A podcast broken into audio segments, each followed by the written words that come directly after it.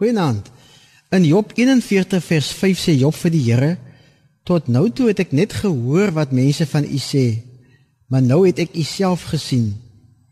Job word natuurlik in die Bybel voorgehou as vroom en opreg en hy het God gedien en boonop die kwaad vermy. Wat 'n ideale voorbeeldige mens. Ook sy vriende word voorgehou as ideale mense. Hulle staan hom by in sy uur van nood. Trouwens die Bybel sê hulle het vir 7 dae en 7 nagte by hom kom sit en nie 'n woord gespreek nie uit solidariteit met hom wanneer die teëspoed hom tref. Want jy sien Job het alles verloor. Sy besittings, sy aardse rykdom, al sy kinders en sy gesondheid. Sy hele wêreld stort in duie. Krisis op krisis tref hierdie vrome, opregte, voorbeeldige man. En dan word die outomatiese vraag, maar hoekom moet hierdie opregte man dan nou so ly? Wat het hy verkeerd gedoen? Sy vriende probeer hom troos deur hulle eie verklaringe te gee. Job het egter 'n ander siening as sy vriende. In sy lyding kom hy eerder aanvanklik met 'n baie sterk belydenis na vore as hy sê sonder iets het ek in die wêreld gekom en sonder iets gaan ek daar uit. Die Here het gegee en die Here het geneem. Prys die naam van die Here.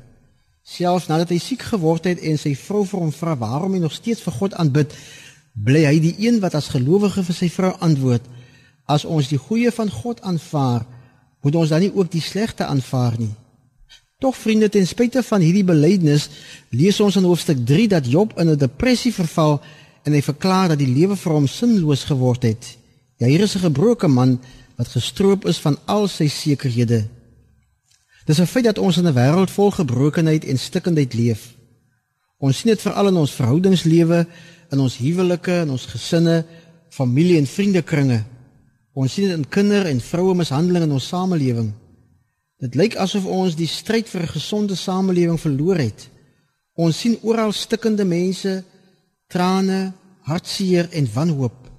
Ons verval in die neiging om soos Job se vriende ook verklaringe te probeer gee vir ons eie lyding en ook die van ander rondom ons.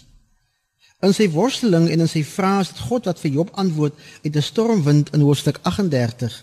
Hy vra vir Job: "Het jy die mag wat ek het? Alles onder die hemel behoort aan my." Hy sê vir Job: "Ek is in beheer. Ek het alles gemaak. Ek is nog steeds die lewende en die handelende God." Hy skets vir Job die groter prentjie. Hy sê vir hom wie hy is en wie ons is. Ons kyk soms soos Job net vas in ons onmiddellike situasie, maar God kyk verder. Hy is nie afwesig by ons krisisse nie. Hy is nooit onbetrokke nie, hy is eerder intens betrokke. Hy is betrokke by ons hede en by ons toekoms omdat hy ook betrokke is by ons verlede. Hy het ons gebring tot waar ons vandag is, selfs al gaan ons nou deur moeilike tye. Hy wys vir Job dat hy betrokke is by sy stryd, soos hy by elkeen van ons ook betrokke is. God se teenwoordigheid gee sin aan ons lewens al gaan ons ook deur pyn, stryd en lyding. God straf nie vir Job omdat hy iets verkeerd gedoen het nie.